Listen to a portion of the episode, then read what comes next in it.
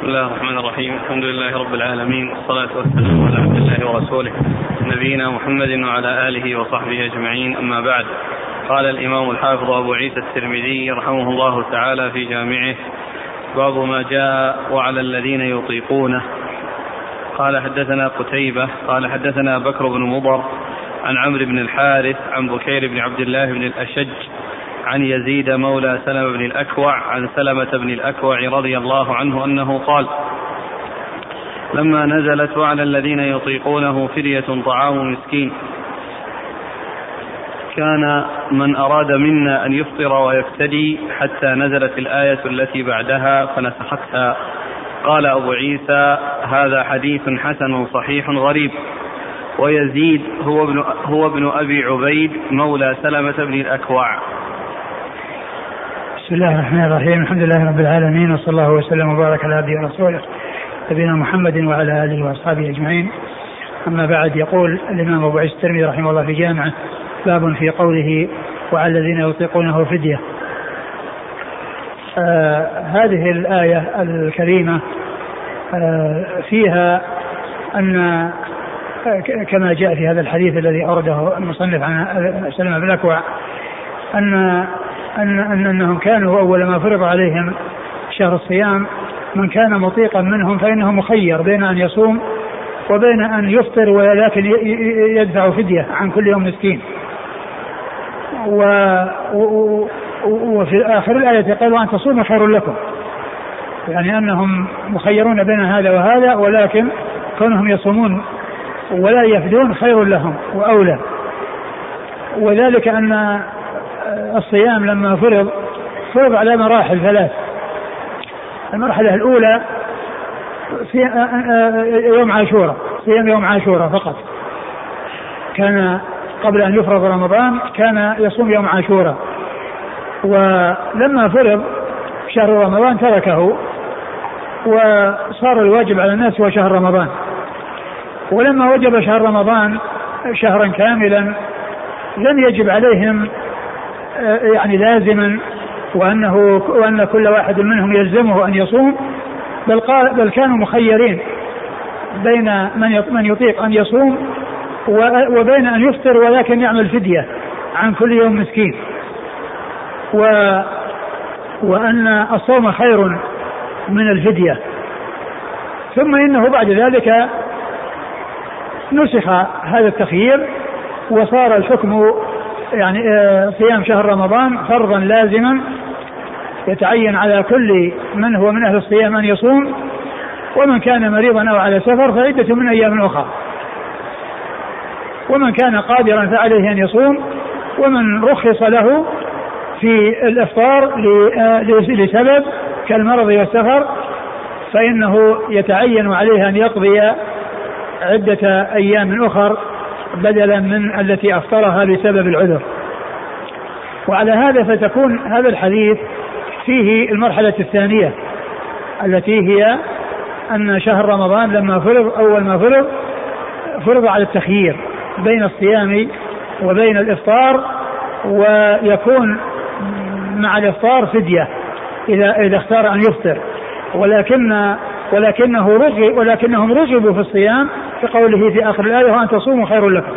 وأن تصوموا خير لكم يعني من أن تفطروا وتفدوا. وأن تصوموا خير لكم يعني من أن تفطروا وتفدوا. ثم بعد ذلك جاءت الآية التي بعدها وهي قول الله عز وجل شهر رمضان الذي أنزل فيه القرآن. الآية فنسخت ذلك التخيير وصار كل مسلم عليه صيام ذلك الشهر ولا يعذر في تركه أو في عدم الصيام إلا إذا كان صاحب عذر كالمرض والسفر. ومع هذا فيتعين عليه أن يأتي بأيام أخر بدلا من تلك الأيام التي أفطرها من شهر الصيام. نعم. لما نزلت وعلى الذين يطيقونه فدية طعام مسكين. كان من أراد منا أن يفطر ويفتدي حتى نزلت الآية التي بعدها فنسختها هذه فيها تخيير والآية اللي بعدها إلزام تخيير بين صيام رمضان وعدم صيامه وإذا لم يصم يأتي بالفدية والآية التي بعدها وهي قول الله عز وجل شهر رمضان الذي ينزل فيه القرآن نسختها فصار الحكم لازما في آه، في أن كل مسلم آه، يعني يجب عليه الصيام أن يصوم ويقضي مكان ما أفطر إذا كان بسبب مرض أو سفر. إذا قرأت على الذين يطوقونه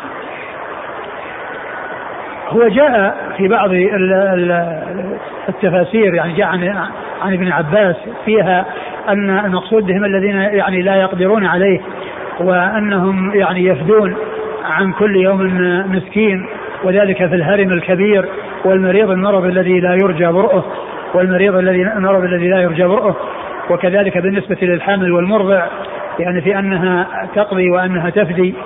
آه، سبق أن مر حديثا في في هذا المعنى. ما أدري عند الترمذي ولا عند عند أبي داود. نعم. إذا الآية محكمة غير منسوخة. نعم يعني على هذا المعنى الثاني آه أنها محكمة. لكن الآن الذي ثبت في الصحيحين في آه في آه في هذا الحديث الذي معنا أنهم كانوا مخيرين.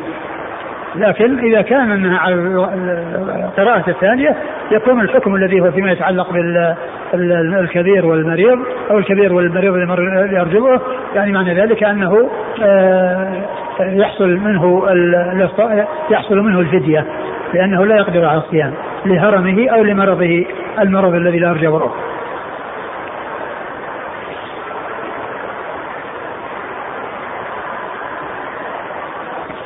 يقول المبارك فوري قلت مذهب ابن عباس هذا مبني على أنه قرأ يطوقونه بصيغة المجهول من التطويق وهي قراءة ابن مسعود أيضا كما صرح به الحافظ وقراءة العامة يطيقونه من أطاق يطيق. روى البخاري في صحيحه عن عطاء أنه سمع ابن عباس يقرأ وعلى الذين يطوقونه فدية طعام بالواو ولا بالياء؟ يطوقونه ويطيقونه. بالواو. بالواو. نعم.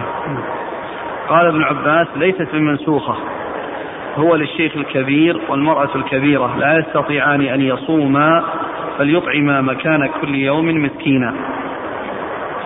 قال الحافظ في الفتح قوله يطوقونه بفتح الطاء وتشديد الواو.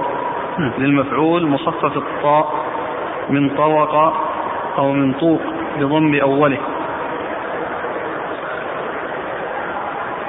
وهذه قراءة ابن مسعود أيضا وقد وقع عند النسائي من طريق ابن أبي نجي ابن أبي نجيح عن عمرو بن دينار يطوقونه يكلفونه وهو تفسير حسن أي يكلفونه إطاقة. وقال فيه أيضا ورجح ابن المنذر النسخ من جهة قوله وأن تصوموا خير لكم قال لأنها لو كانت في الشيخ الكبير الذي لا يطيق الصيام لم يناسب أن يقال له وأن تصوموا خير لكم مع أنه لا يطيق الصيام. انتهى.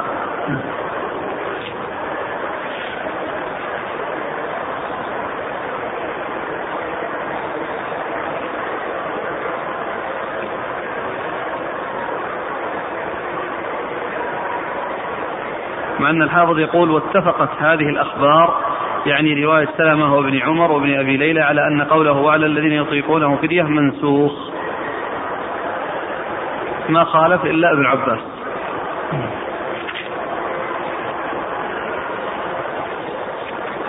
قال حدثنا قتيبة. هو على على على على اختلاف القراءات كما هو معلوم. آه كل قراءة تدل على معنى لأن القراءات الآن تختلف وبعض القراءات تدل على معنى لا تدل عليه القراءة الثانية مثل قول الله عز وجل بل عجبت ويسخرون بل عجبت ويسخرون. لأنه على قراءة عجبت فيه إثبات صفة العجب لله عز وجل. وعلى قراءة بل عجبت ما في هذه الصفة. على قراءة بل عجبت ويسخرون ليس فيه إثبات صفة العجب لله. وعلى قراءة بل عجبت ففيه إثبات الصفة فإن بعض القراءات يعني على قراءة تدل على معنى وعلى قراءة تدل على معنى آخر. قال حدثنا قتيبة قتيبة بن سعيد بن جميل بن طريف البغلاني ثقة أخرجه أصحاب كتب الستة. عن بكر بن مضر بكر بن مضر ثقة أخرجه أصحاب كتب الستة. إلا ابن ماجه. إلا ابن ماجه. عن عمرو بن الحارث عمرو بن الحارث ثقة أخرجه أصحاب كتب الستة. عن بكير بن عبد الله بن الأشج. بكير بن عبد الله بن الأشج ثقة أخرجه أصحاب كتب الستة. عن يزيد مولى سلا بن الأكوع. يزيد بن أبي عبيد ثقة أخرجه أصحاب كتب الستة. عن سلا بن الأكوع. عن سلمة بن الأكوع رضي الله عنه أخرج حديث أصحاب كتب الستة. قال رحمه الله تعالى باب من أكل ثم خرج يريد سفرا.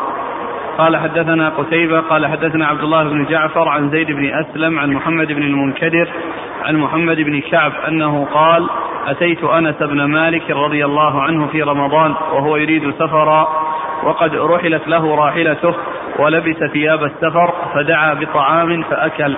فقلت له سنة قال سنة ثم ركب.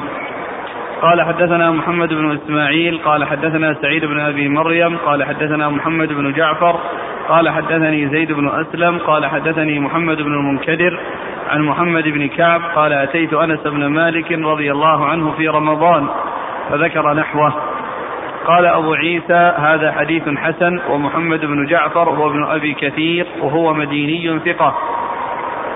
وهو أخو إسماعيل بن كثير وهو أخو إسماعيل بن جعفر وعبد الله بن جعفر هو ابن نجيح ولد علي بن عبد الله. والد ها؟ والد. والد عبد علي بن المديني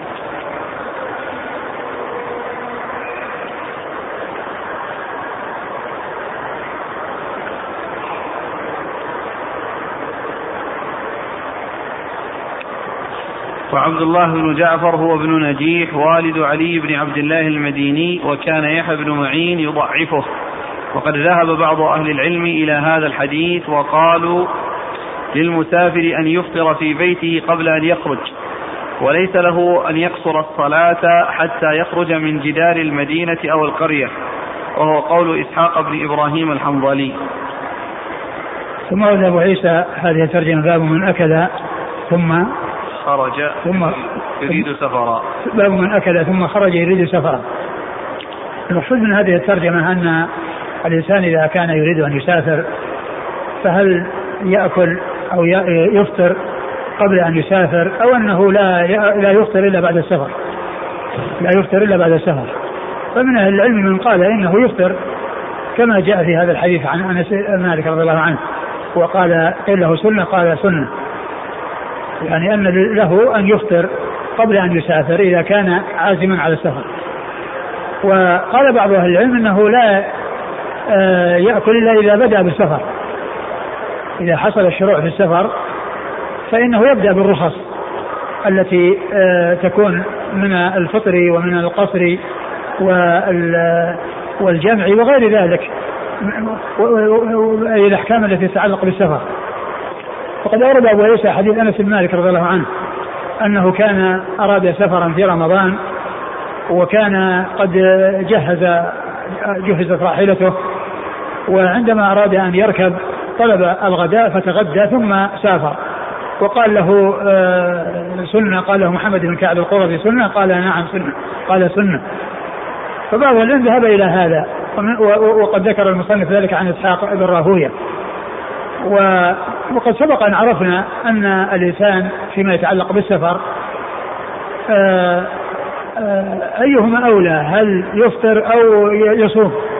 وقد ذكرنا فيما مضى أنه في مثل هذا الزمان الذي حصل فيه آه، سهولة السفر ويسره وقصره وعدم التعب الذي يكون فيه أن الأولى للإنسان أن أن يصوم حتى لا يحمل ذمته دين شيئا من الدين قد لا يؤديه قد لا يؤديه أو قد يمضي عليه وقت ما أداه.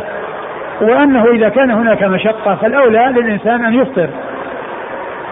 لأن النبي صلى الله عليه وسلم جاء عنه الصيام وجاء عنه الافطار جاء عنه الصيام وجاء عنه الافطار فيحمل أولوية الصيام. على ما إذا كانت المشقة آه، إذا كان عدم المشقة حاصلة. وأولوية الإفطار فيما إذا كانت المشقة حاصلة.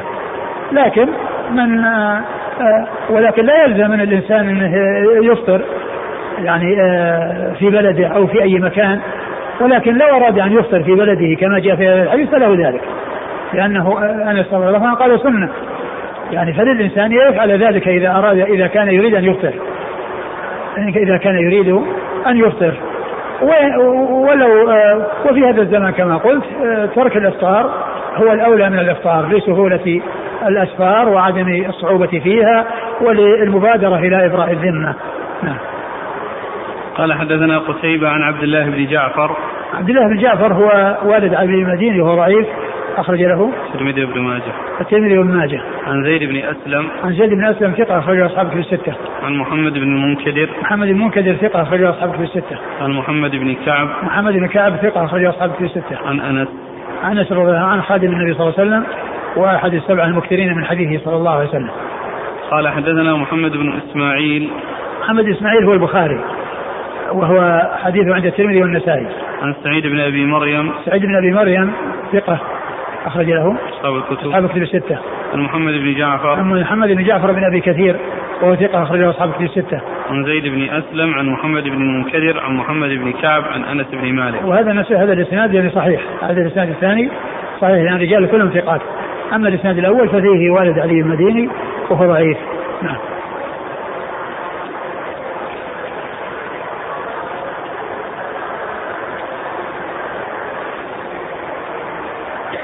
قال أبو عيسى هذا حديث حسن. محمد بن جعفر هو ابن أبي كثير هو مديني ثقة. أخو إسماعيل بن جعفر وعبد الله بن جعفر هو ابن نجيح والد علي بن عبد الله المديني وكان يحيى بن معين يضعفه. وقد ذهب بعض أهل العلم إلى هذا الحديث وقالوا للمسافر أن يفطر في بيته قبل أن يخرج وليس له أن يقصر الصلاة حتى يخرج من جدار المدينة أو القرية وهو قول إسحاق بن إبراهيم الحنظلي. لأن القصر جاء فيه قول الله عز وجل يا أيها وإذا ضربتم في الأرض وإذا ضربتم في الأرض فليس عليكم جناح أن تقصروا الصلاة. فقيد ذلك بالضرب في الأرض. والضرب في الأرض يحصل ببدء السفر ومفارقة البلاد التي سافر منها.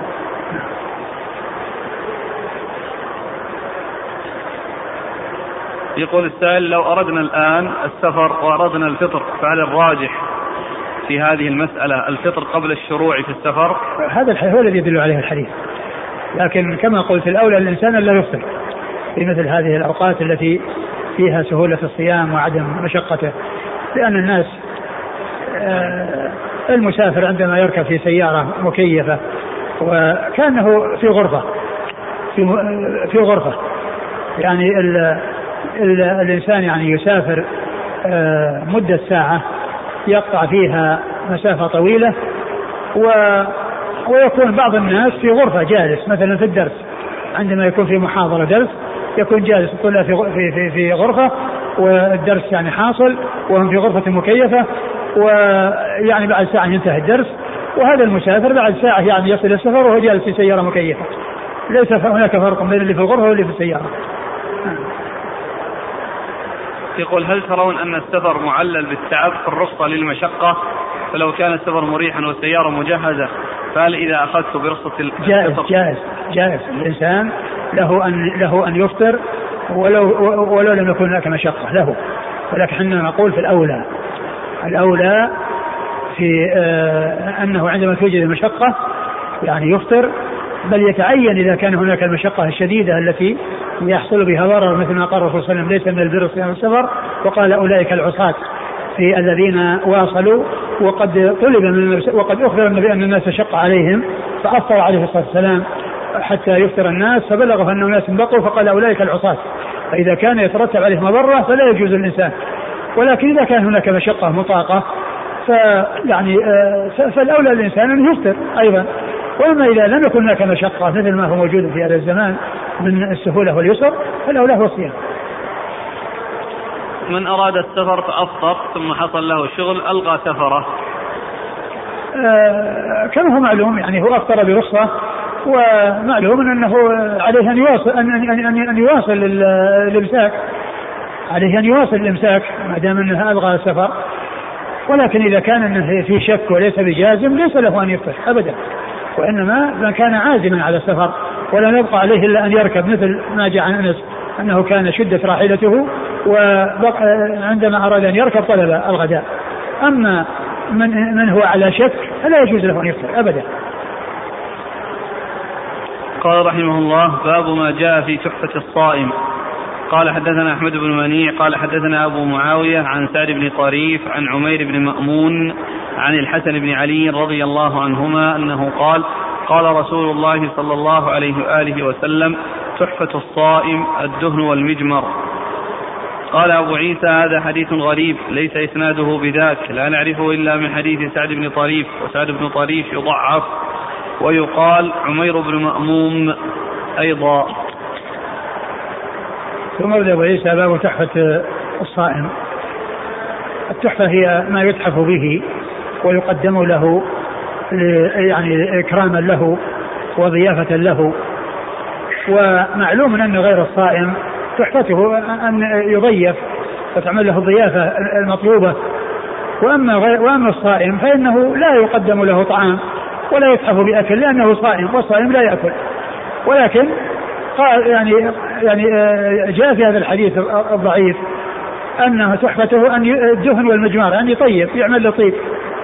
يعني دهن أو مجمار ولكن لا يشمه ويستفعطه لأنه لا يستفعطه أفطر.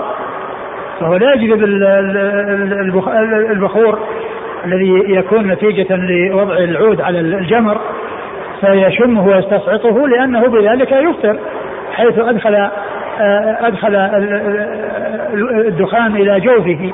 فإنه يفطر بذلك مثل ما مر بنا وبالغ في وبالغ في الاستنشاق إلا أن تكون صائما لأن لا يدخل الماء في جوفه. فإذا يطيب غير الصائم يطعم ويضيف فيقدم له الطعام المناسب والصائم يطيب يعني يعطى دهن من الطيب أو يعني جمر يوضع عليه عود ويطيب. فتكون هذه تحفته التي تقدم له لأنه لا يمكن تقديم لا شراء لا ماء ولا طعام لأنه صائم.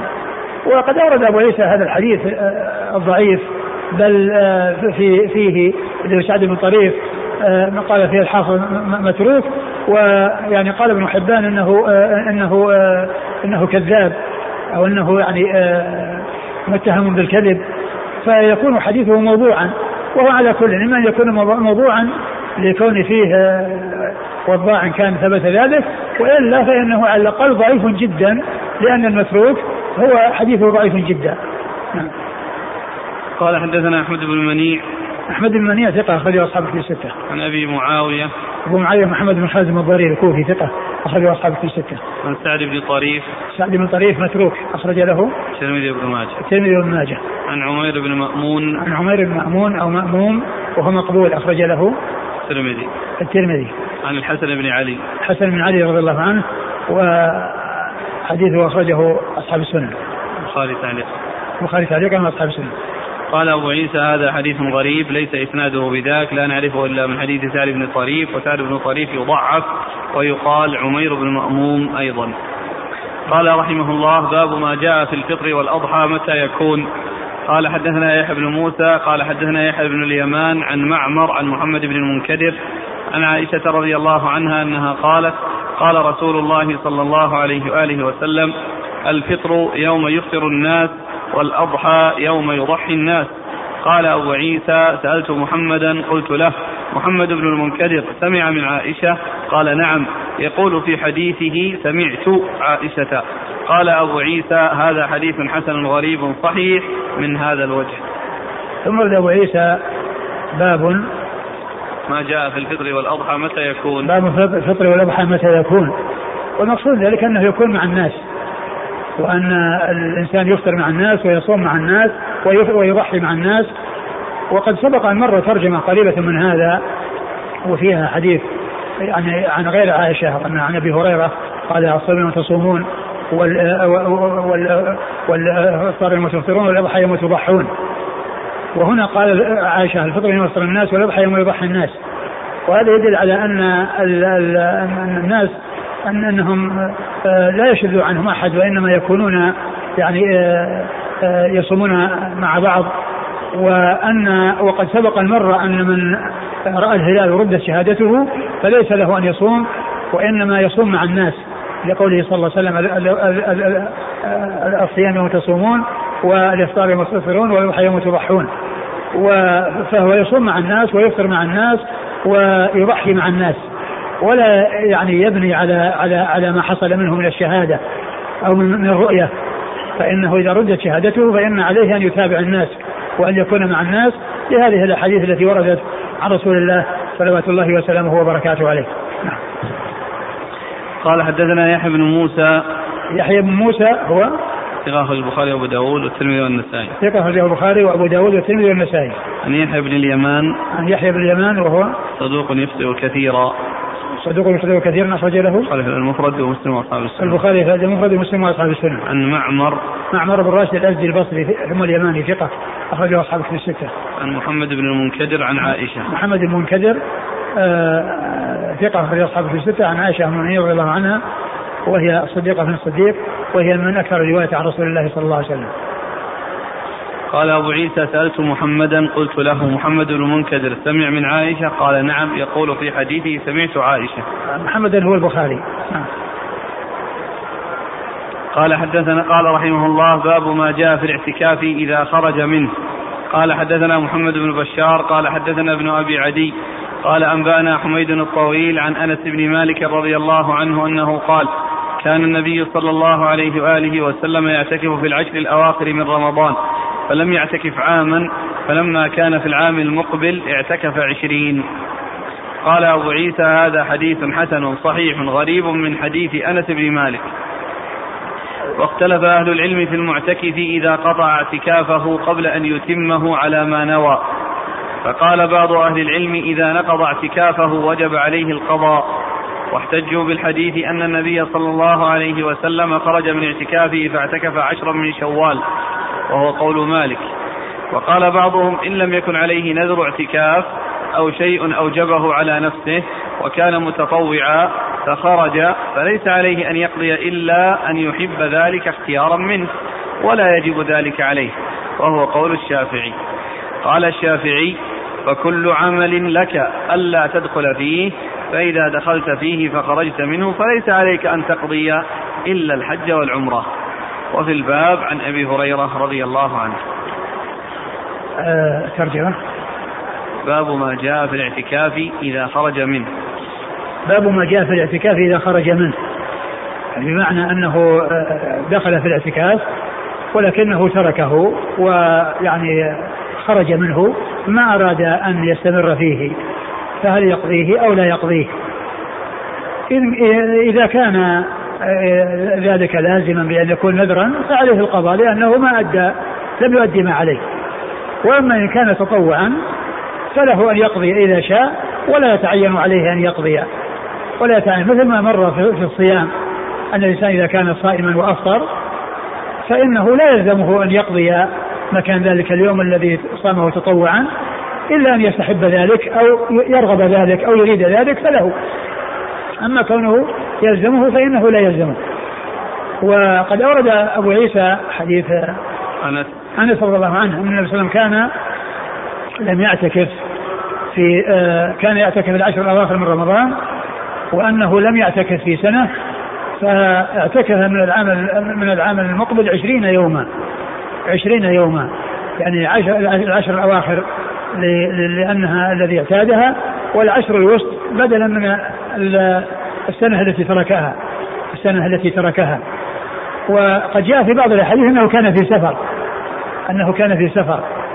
يعني في كونه لم لم يعتكف في تلك السنة لأنه كان في سفر ف فأتى باعتكاف عشر ليال من أوسط الشهر مع مع العشر الليالي في آخر الشهر التي هي معتادة والتي كان مستمرا عليها صلى الله عليه وسلم. و والحديث ليس فيه أنه دخل في الاعتكاف وخرج. ليس فيه أنه دخل في الاعتكاف وخرج. لكن يعني قيل في وجه الاستدلال أنه إذا كان إذا كان أنه آآ آآ آآ قضاه مع أنه لم يدخل فيه فإن كونه يدخل فيه فإنه كونه يقضيه بعد الدخول يعني يكون من باب من باب أولى. لأن الحديث ليس فيه أنه قضاء أنه آه، بدأ بالاعتكاف وخرج منه يعني في تلك المدة لأنه كان مسافرا عليه الصلاة والسلام وعلى هذا فيكون الأمر آه، إن كان قضاء إن كان نذرا وهو متعين عليه ويلزمه الوفاء به فإن فإنه إذا قطعه يجب عليه أن يقضيه وأما إن كان آه، تطوعا فلا يلزمه أن يقضيه وإن أراد أن يقضيه فله ذلك. لكن في حديث آخر لما رأى أصبيات الاخبيه لأمهات المؤمنين ثم قال أهل بر وأردنا فخرج من اعتكافه نعم يعني خرج من الاعتكاف واعتكف في عشر من شوال. واعتكف عشر من شوال فهذا هو الذي يدل على هذا. لكن الرسول صلى الله عليه وسلم كما هو معلوم متطوع في هذا وهو أيضا متطوع في هذا والإنسان له له أن يقضي ما دام ما هو تطوع.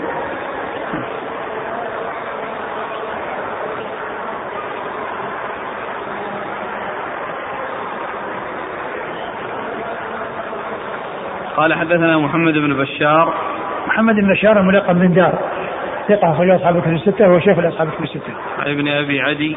عن ابن أبي عدي محمد بن إبراهيم وهو ثقة أخرج أصحاب الكتب الستة. عن حميد الطويل. حميد بن أبي حميد الطويل ثقة أخرج أصحاب الكتب الستة.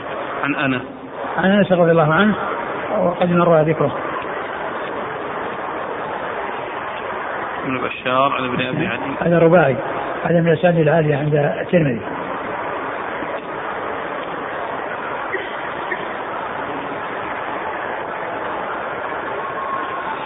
قال أبو عيسى هذا حديث حسن صحيح غريب من من حديث أنس بن مالك واختلف أهل العلم في المعتكف إذا قطع اعتكافه قبل أن يتمه على ما نوى. فقال بعض أهل العلم إذا نقض اعتكافه وجب عليه القضاء واحتجوا بالحديث. أن النبي صلى الله عليه وسلم خرج من اعتكافه فاعتكف عشرا من شوال وهو قول مالك بن مالك. يعني هذا هو الذي يدل على هذا. نعم. وقال بعضهم إن لم يكن عليه نذر اعتكاف أو شيء أوجبه على نفسه وكان متطوعا فخرج فليس عليه أن يقضي إلا أن يحب ذلك اختيارا منه ولا يجب ذلك عليه وهو قول الشافعي. قال الشافعي فكل عمل لك ألا تدخل فيه فإذا دخلت فيه فخرجت منه فليس عليك أن تقضي إلا الحج والعمرة. وهذا كلام جيد يعني قاعدة عامة. كل عمل لك أن لا تدخل فيه يعني ليس واجبا عليك أن تدخل فيه تطوع. كل عمل ليس لك يعني لا يلزمك أن تدخل فيه فإذا دخلت فيه ويعني آه، تركته فإنه لا يلزمك قضاء إلا الحج والعمرة. لأن الحج والعمرة لازم الانسان يتم. ليقول الله عز وجل ويتم الحج والعمرة لله. فالإنسان قبل أن يدخل ولو كان نفلا آه، هو آه، كل شيء بيده لكن إذا دخل فإن عليه الإتمام. ولا يقول أنا خلاص هذا تطوع. فأنا أقطعه بل يتعين عليه أن يتمه. يتعين عليه أن يتمه نعم. ونحن نقرأ القاعدة يأتي السؤال فيقول لبست الإحرام ونويت بالعمرة حتى وصلت مكة ففسخت إحرامي ولم أعتمر. هو لا يزال معتمرا ولا يزال محرما محرما وعليه أن يرجع إلى الإحرام ويطوف ويسعى. نعم. قال وفي الباب عن أبي هريرة. أبو هريرة عبد الرحمن بن صخر الدوسي رضي الله عنه أكثر أصحاب الرسول صلى الله عليه وسلم حديثا. قال رحمه الله تعالى باب المعتكف يخرج لحاجته أم لا؟ قال حدثنا أبو مصعب المدني قراءة عن مالك بن أنس عن ابن شهاب عن عروة وعمرة عن عائشة رضي الله عنها أنها قالت كان رسول الله صلى الله عليه وآله وسلم إذا اعتكف أدنى إلي رأسه فأرجله.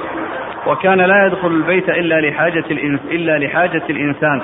قال أبو عيسى هذا حديث حسن صحيح. هكذا رواه غير واحد عن مالك عن ابن شهاب عن عروة وعمرة عن عائشة.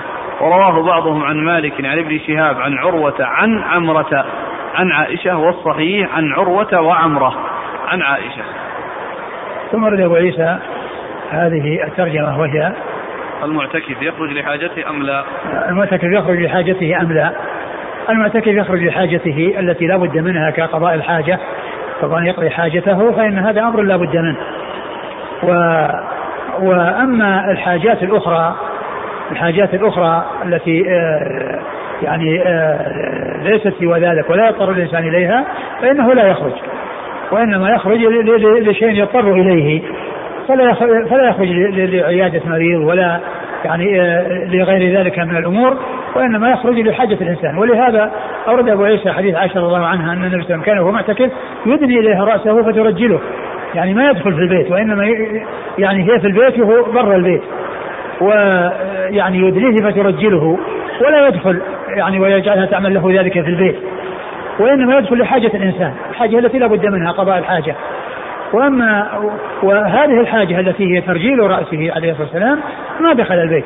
وإنما أدنى إليها رأسه هو خارج البيت وهي في البيت وكانت ترجله صلى الله شعره صلى الله عليه وسلم. وهذا يدل على جواز الترجيل وكذلك الاغتسال والتنظف للمعتكف لأن عائشة رضي الله عنها كانت ترجل شعر رسول الله صلى الله عليه وسلم. وفي هذا أيضا دليل على أن الإنسان إذا إذا إذا أدخل رأسه في شيء لا يقال أنه دخل فيه. لأن يعني كونه يدخل رأسه مع مع مع مع, مع الفرجة لا يقال أنه دخل يعني في الفرجة لأنه كان يؤذن إليها رأسه وبذلك لا يكون قد خرج أو دخل المنزل. فيستفاد منه أن مثل ذلك لا يعتبر دخولا. يعني كونه يعني يدخل يدخل رأسه من من باب من شباك من فرجة أن ذلك لا يعتبر دخولا وأن ذلك لا يؤثر. وأن من حلف لا يدخل بيتا فأدخل رأسه لا يقال أنه آه، حصل منه آه، آه، الحنس اليمين لأن حتى يدخل حتى يدخل كله. نعم. قال حدثنا أبو مصعب المدني قراءة. أبو مصعب المدني هو أحمد بن أبي بكر. أحمد بن أبي بكر وهو صدوق خرج أصحاب الكتب. صدوق خرج أصحاب الكتب الستة. عن مالك عن ابن شهاب. مالك بن أنس إمام دار الهجرة محدث الفقيه أحد أصحاب المذاهب الأربعة المشهورة مذاهب أهل السنة وحديثه أخرجه أصحاب الكتب الستة وابن شهاب ومحمد بن مسلم بن عبيد الله بن شهاب الزهري ثقة أخرجه أصحاب الكتب الستة. عن عروة وعمرة. عروة بن الزبير بن العوام ثقة فقيه أحد فقهاء المدينة السبعة في عصر التابعين أخرج حديث أصحاب الكتب الستة. وعمرة هي بنت عبد الرحمن الأنصارية ثقة أخرجها أصحاب الكتب الستة. عن عائشة رضي الله عنها وقد مر ذكرها.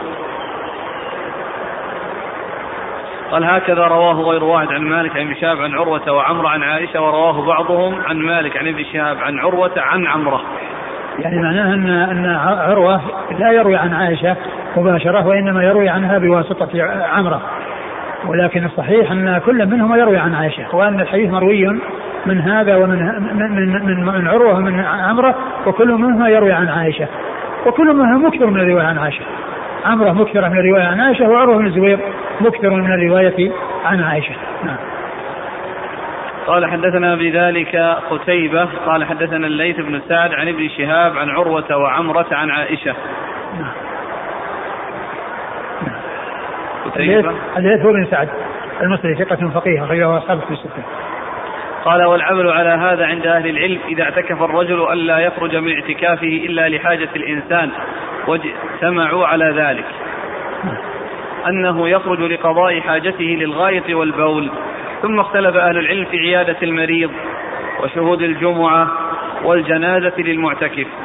فرأى بعض أهل العلم من أصحاب النبي صلى الله عليه وسلم وغيرهم أن يعود المريض ويشيع الجنازة ويشهد الجمعة إذا اشترط ذلك. وهو قول سفيان الثوري وابن المبارك. ذكر الاشتراط ما له وجه. يبدو أنه لا وجه للاشتراط وذلك أنه كان بإمكان أي إنسان أنه يعني يعتكف ويشترط ما يريد فيكون يخرج الاعتكاف عن عن مقصوده. ما دام أنه سيشترط يعني ما يريد يعني معنى ذلك صار الاعتكاف يعني ليس آه لم يتحقق المقصود منه. ما دام أنه سيشترط الخروج لحاجة كذا ولحاجة كذا ولحاجة كذا. نعم.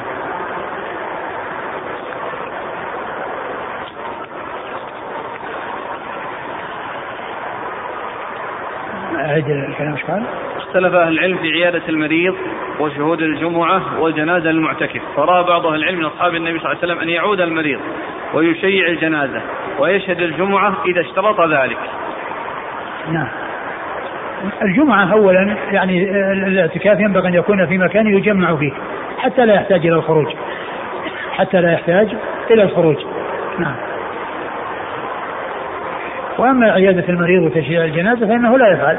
وقد جاء في بعض الأحاديث أنه كان يعني آه يعني يسأل آه عن عن عن المريض وهو مار. يعني ف يعني لا يعني يذهب إليه ويجلس عنده وإنما يسأل عنه وهو يعني آه وهو مار يعني ليس يعني جاء قصدا أو جاء إليه وإنما يسأل عن حاجة عنه. نعم. وهو قول سفيان الثوري وابن المبارك. سفيان الثوري هو سفيان بن سعيد المسروق الثوري ثقة أخرجه أصحابه في الستة وعبد الله المبارك المروزي ثقة أخرجه أصحابه في الستة. وقال بعضهم ليس له أن يفعل شيئا من هذا. ورأوا للمعتكف إذا كان في مصر يجمع فيه أن لا يعتكف إلا في مسجد جاء في, في مسجد يجمع فيه. في مسجد في مسجد الجامع. مسجد جامع. لا في أضاف إلى ما هو ال أن لا يعتكف إلا في مسجد الجامع. أيوه. في مسجد الجامع يمكن إضافة الشيء إلى نفسه. يصير. مسجد الجامع مثل مكر السيء. قال لأن آه نعم لأنهم كرهوا الخروج له من معتكفه إلى الجمعة ولم يروا له أن يترك الجمعة فقالوا لا يعتكف إلا في مسجد الجامع حتى لا يحتاج حتى لا يحتاج إلى أن أن يخرج من معتكفه.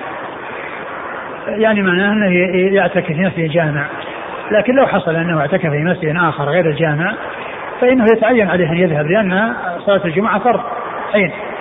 يعني يلزمه أن يأتي إليها وأن لا يتخلف عنها. لكن آه، آه، التخلص من هذا والسلامة من هذا تكون بكونه لا يجمع إلا في مسجد جامع.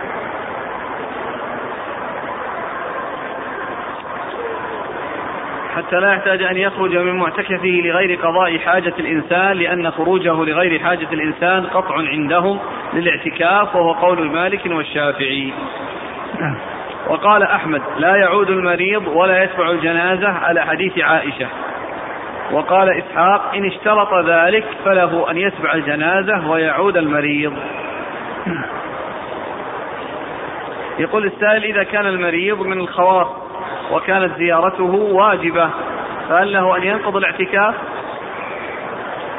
آه الأولى للإنسان أن يتم ولكن الحمد لله أن يتصل بالتلفون وبالجوالات التي مع الإنسان ويطمئن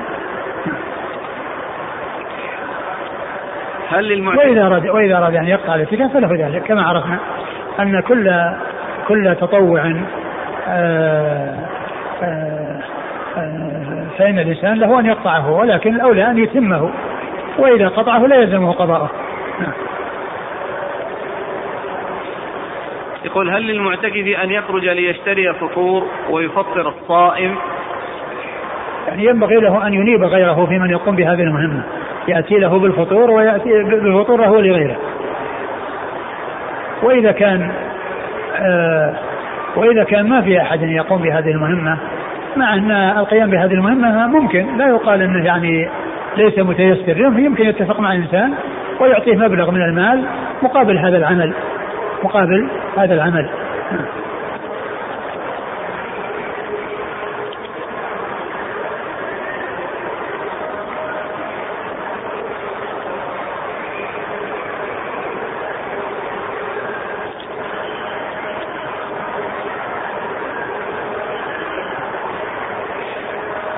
يقول إذا كانت هناك مساعدة مالية مثلا مما أضطر إليها وأنتظرها أنتظرها فهل أذهب إليها وأخرج عن المعتكف؟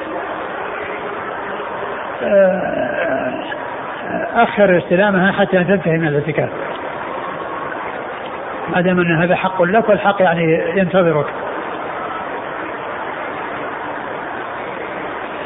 قال رحمه الله تعالى باب ما جاء في قيام شهر رمضان. قال حدثنا هناد قال حدثنا محمد بن الفضيل عن داود بن أبي هند عن الوليد بن عبد الرحمن الجرشي عن جبير بن نفير عن أبي ذر رضي الله عنه قال صمنا مع رسول الله صلى الله عليه وآله وسلم فلم يصل بنا حتى بقي سبع من الشهر فقام بنا حتى ذهب ثلث الليل ثم لم يقم بنا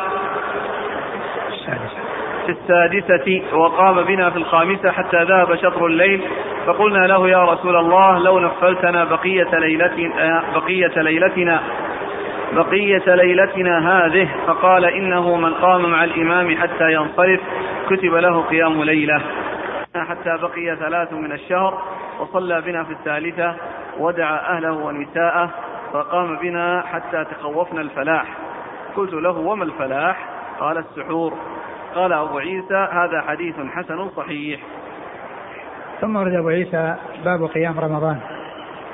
وقيام رمضان آه، آه، فعله رسول الله صلى الله عليه وسلم مع أصحابه في بعض الليالي من آخر الشهر من آخر شهر رمضان. ولكنه صلى الله عليه وسلم لم يستمر على ذلك خشية أن يفرض على الناس.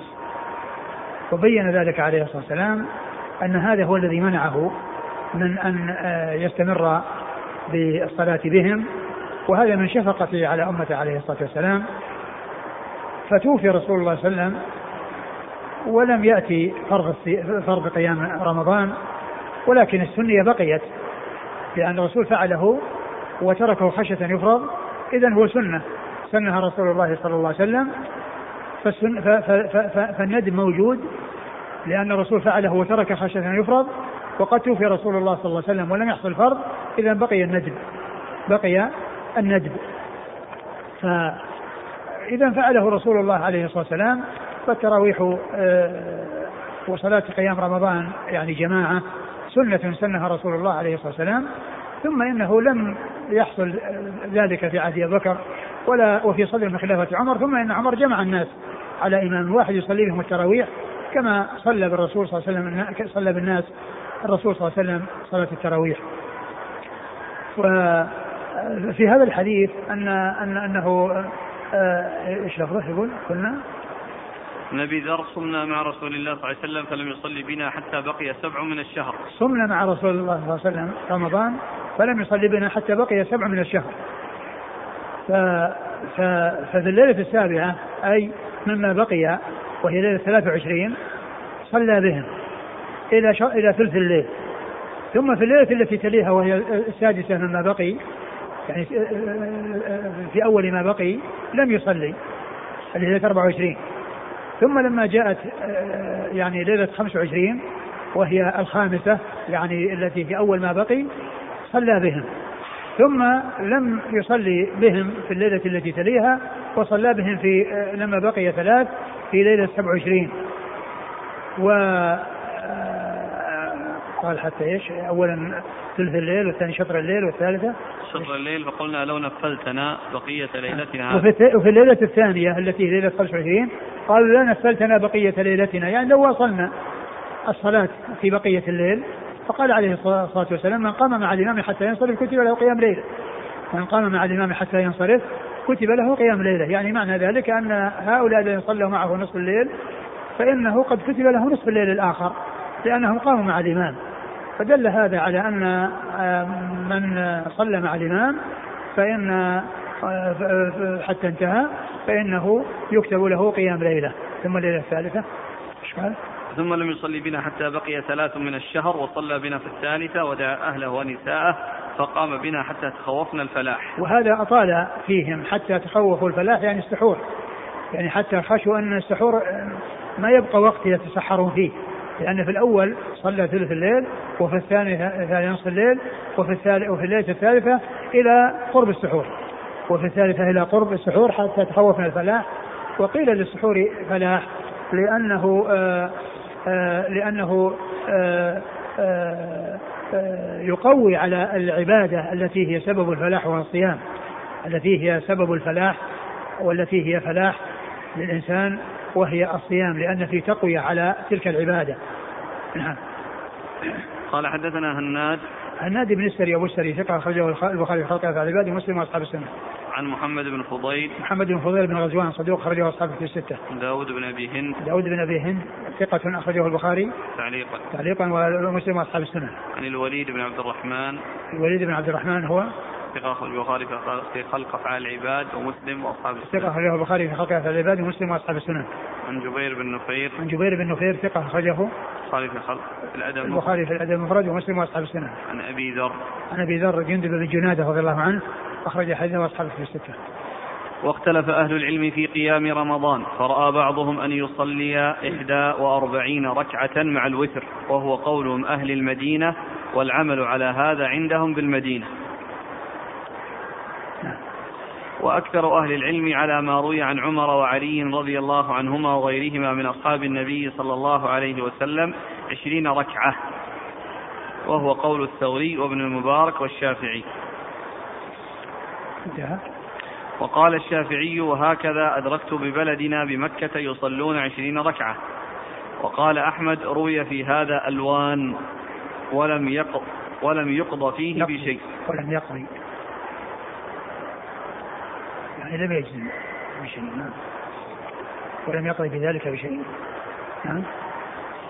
ولم يقض فيه بشيء. وقال إسحاق بل نختار إحدى وأربعين ركعة على ما روي عن أبي بن كعب رضي الله عنه. واختار ابن المبارك وأحمد وإسحاق الصلاة مع الإمام في شهر رمضان. اختار الشافعي أن يصلي الرجل وحده إذا كان قارئا. وفي الباب عن عائشة والنعمان بن بشير وابن عباس رضي الله عنهم أجمعين. ثم ذكر أبو عيسى اختلاف العلم أهل العلم في آه، مقدار قيام رمضان فنقل القول بأنه 41 آه، وهذا أعلاه والقول بأنه 20 آه، وهذا هو الذي يعني عليه أكثر العلماء كما ذكر ذلك المصنف و ولم يذكر آه، آه، آه، ما جاء عن رسول الله صلى الله عليه وسلم أنه كان لا يزيد في رمضان ولا غيره عن 11 ركعة. ولا شك أن الذي الذي ثبت عن رسول الله صلى الله عليه وسلم هذا أمر واضح لا إشكال فيه وأن من فعله فقد فعل ما فعله الرسول صلى الله عليه وسلم.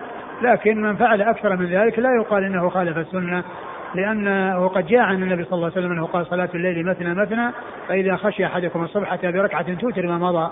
فهذا يبين لنا أن الأمر في صلاة الليل واسع وأن للإنسان يصلي ما شاء اثنتين اثنتين حتى إذا أراد حتى حتى يختم صلاته بالوتر وأنه لا يلزمه التقيد ب 11 ركعة. لأن الرسول صلى الله عليه وسلم ما جاء عنه شيء يدل على التقيد بها. وأنها لازمة وأنه لا يجوز تجاوزها بل جاء ما يدل على جواز الزيادة وذلك في قوله صلى الله عليه وسلم في الحديث الصحيح صلاة الليل مثنى مثنى فإذا خشي أحدكم الصبح أتى بركعة توتر ما مضى. وعلى هذا فالأمر في ذلك واسع والمسلم عليه أن يصلي مع الإمام الذي يصلي في المسجد وألا ينصرف قبل انصرافه سواء صلى 11 أو صلى 21 أو صلى 41 أو 31 أو غير ذلك عليه أن يصلي بصلاة الإمام. هذا هو الذي ينبغي للإنسان هذا الكلام واختلف أهل العلم في قيام رمضان فرأى بعضهم أن يصلي 41 ركعة مع الوتر وهو قول أهل المدينة والعمل على هذا عندهم بالمدينة. وذكر في الآخر أنه يعني روي عن أبي بن كعب، نعم. وأكثر أهل العلم على ما روي عن عمر وعلي وغيرهما من أصحاب النبي صلى الله عليه وسلم 20 ركعة وهو قول الثوري وابن المبارك والشافعي. نعم. وقال الشافعي وهكذا أدركت ببلدنا بمكة يصلون 20 ركعة وقال أحمد روي في هذا ألوان ولم يقضي فيه بشيء. يعني روي ألوان يعني عدة صفات أو عدة هيئات ولم يقضي فيه بشيء لم يجزم بشيء. نعم. وقال إسحاق بل نختار 41 ركعة على ما روي عن أبي. واختار ابن المبارك وأحمد وإسحاق الصلاة مع الإمام في شهر رمضان. واختار الشافعي أن يصلي الرجل وحده إذا كان قارئا. وهذه مسألة أخرى وهي هل الإنسان يصلي جماعة أو يصلي منفردا؟ ولا شك أن يكون يصلي جماعة أو لا. من أن يصلي منفردا لأنها عبادة تشرع لها الجماعة. عبادة تشرع لها الجماعة فيصلي مع الناس. فيصلي مع الناس. وقد ذكر الخلاف بين بين أحمد و ابن المبارك وأحمد وإسحاق اختار الصلاة مع الإمام. نعم والشافعي يقول إذا كان قارئا فيصلي وحده أو له أن يصلي وحده. والأولى الإنسان يصلي مع الجماعة لأنها عبادة تشرع لها الجماعة. نعم. وفي الباب عن عائشة والنعمان بن بشير. النعمان بن بشير رضي الله عنهما أخرج حديثه أصحاب في الستة. وابن عباس. وابن عباس عبد الله بن عباس بن عبد المطلب أحد العبادلة وأحد المكثرين من حديث النبي صلى الله عليه وسلم. قال رحمه الله تعالى باب ما جاء في فضل من فطر صائما قال حدثنا هناد قال حدثنا عبد الرحيم عن عبد الملك بن أبي سليمان عن عطاء عن زيد بن خالد الجهني رضي الله عنه أنه قال قال رسول الله صلى الله عليه وسلم من فطر صائما كان له مثل أجره غير أنه لا ينقص من أجر الصائم شيئا. قال أبو عيسى هذا حديث حسن صحيح. ثم أبو عيسى باب مفطر صائما. أي أجره وثوابه. وقد أورد فيه أبو عيسى حديث زيد بن خالد الجهني رضي الله عنه. قال من فطر صائما فله مثل أجره من غير أن ينقص من أجر الصائم شيء. وهذا يدل على فضل تفطير الصائمين. و... و... وأكد ذلك بأن هذا الأجر الذي يحصل له آه، أنه أجر تام وأنه لا ينقص من أجر الصائم شيء أي الذي آه الذي آه الذي أفطر لا ينقص من أجره شيء بل أجره له كاملا وهذا الذي فطره له مثل أجره. وهذا من فضل الله سبحانه وتعالى على عباده وإحسانه إليهم وكرمه في مضاعفة الثواب في على أعمال يعني يسيرة ومع ذلك يكون الأجر فيها عظيما عند الله سبحانه وتعالى. نعم. قال حدثنا هناد عن عبد الرحيم. عبد الرحيم هو بن سليمان ثقة. أخرجه أصحاب الكتب. أخرجه أصحاب الكتب الستة. عن عبد الملك بن أبي سليمان. بن أبي سليمان هو؟ صدوق له أوهام. صدوق له أوهام أخرج له. البخاري تعليقا ومسلم وأصحاب البخاري تعليقا ومسلم وأصحاب السنن عن عطاء. عن عطاء هو بن أبي رباح. عطاء بن أبي رباح ثقة أخرجه أصحاب الكتب الستة. عن زيد بن خالد زيد بن خالد الجهني رضي الله عنه أخرج حديثه أصحاب الكتب الستة. قال رحمه الله باب الترغيب في قيام رمضان وما جاء فيه من الفضل.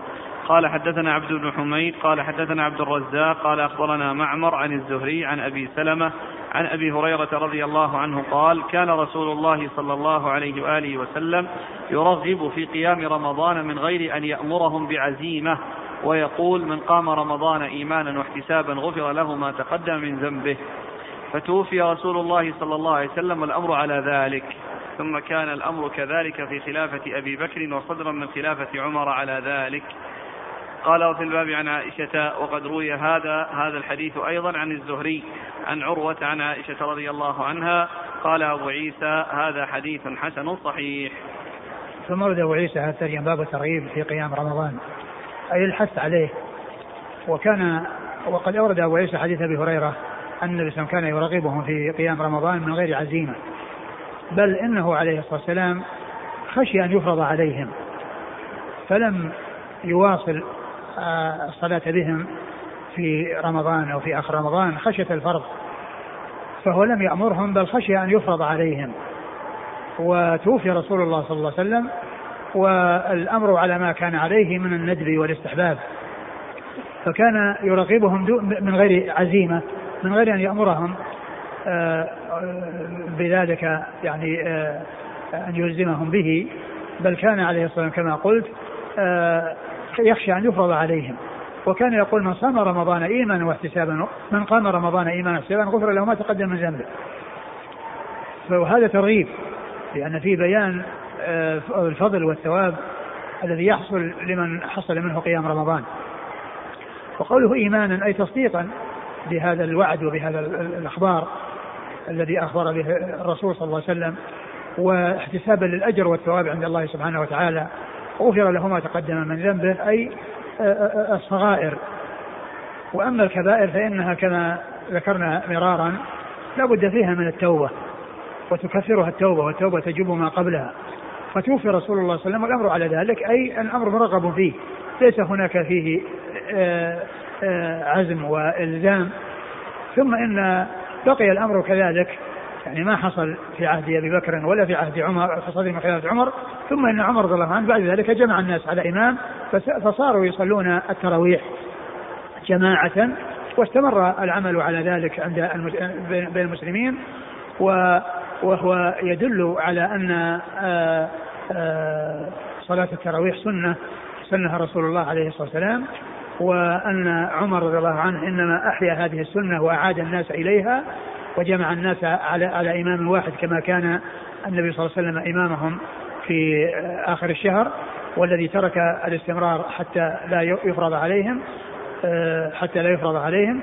فدل هذا على الاستحباب والترغيب وأنه آه، وأن الندب والترغيب باق ومستمر وأن الأمر آه، توفي رسول الله صلى الله عليه وسلم وهو لم يحصل الإيجاب و أن على المسلمين أن يحرصوا على هذه السنة وعلى هذه الشعيرة التي فيها اجتماعهم على الصلاة في ليالي رمضان يصلون صلاة التراويح اتباعا للرسول صلى الله عليه وسلم وكذلك آه، آه، اقتداء بما كان عليه أصحاب الرسول عليه الصلاة والسلام.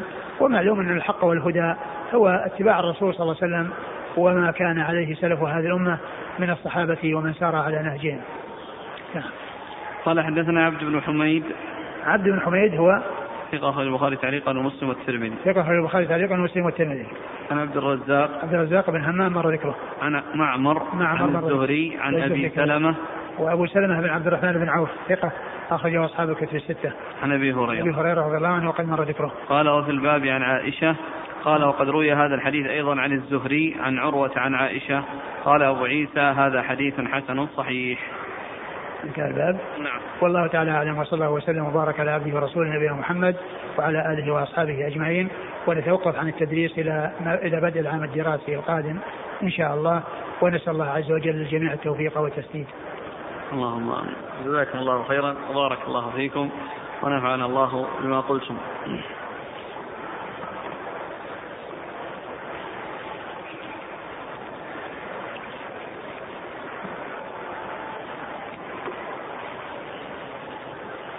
يقول السائل هل للو... هل للمعتكف أن يقطع اعتكافه لمسألة مهمة ثم يعاود الاعتكاف بعد قضاء هذه الحاجة؟ نعم له ذلك. لكن يعني يعتكف يعني اعتكاف جديد يعني ما هو ما هو معناه الاعتكاف أنه مستمر؟ لأنه قطع اعتكافه وله أن يعتكف لأن الاعتكاف لا يلزم أن يكون عشر. يمكن يعتكف لو أراد يعتكف أربعة أو خمسة أو ست أو يعتكف يعني آه يعني ليالي معلومة لأنه لا يلزم أن يكون الاعتكاف لمدة عشر, عشر ليالي. من لم يتمكن منها كلها يمكن أن يعتكف ما شاء منها. هل يكون قضاء الاعتكاف في رمضان فقط؟ الرسول صلى الله عليه وسلم حصل منه في رمضان وفي غير رمضان.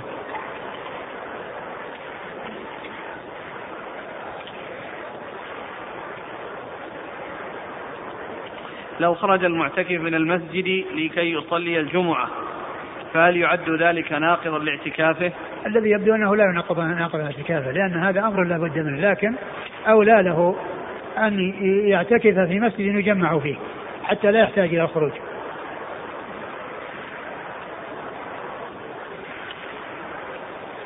يقول هل يجوز لي أن أخرج من الاعتكاف لتغيير الملابس يوم الجمعة؟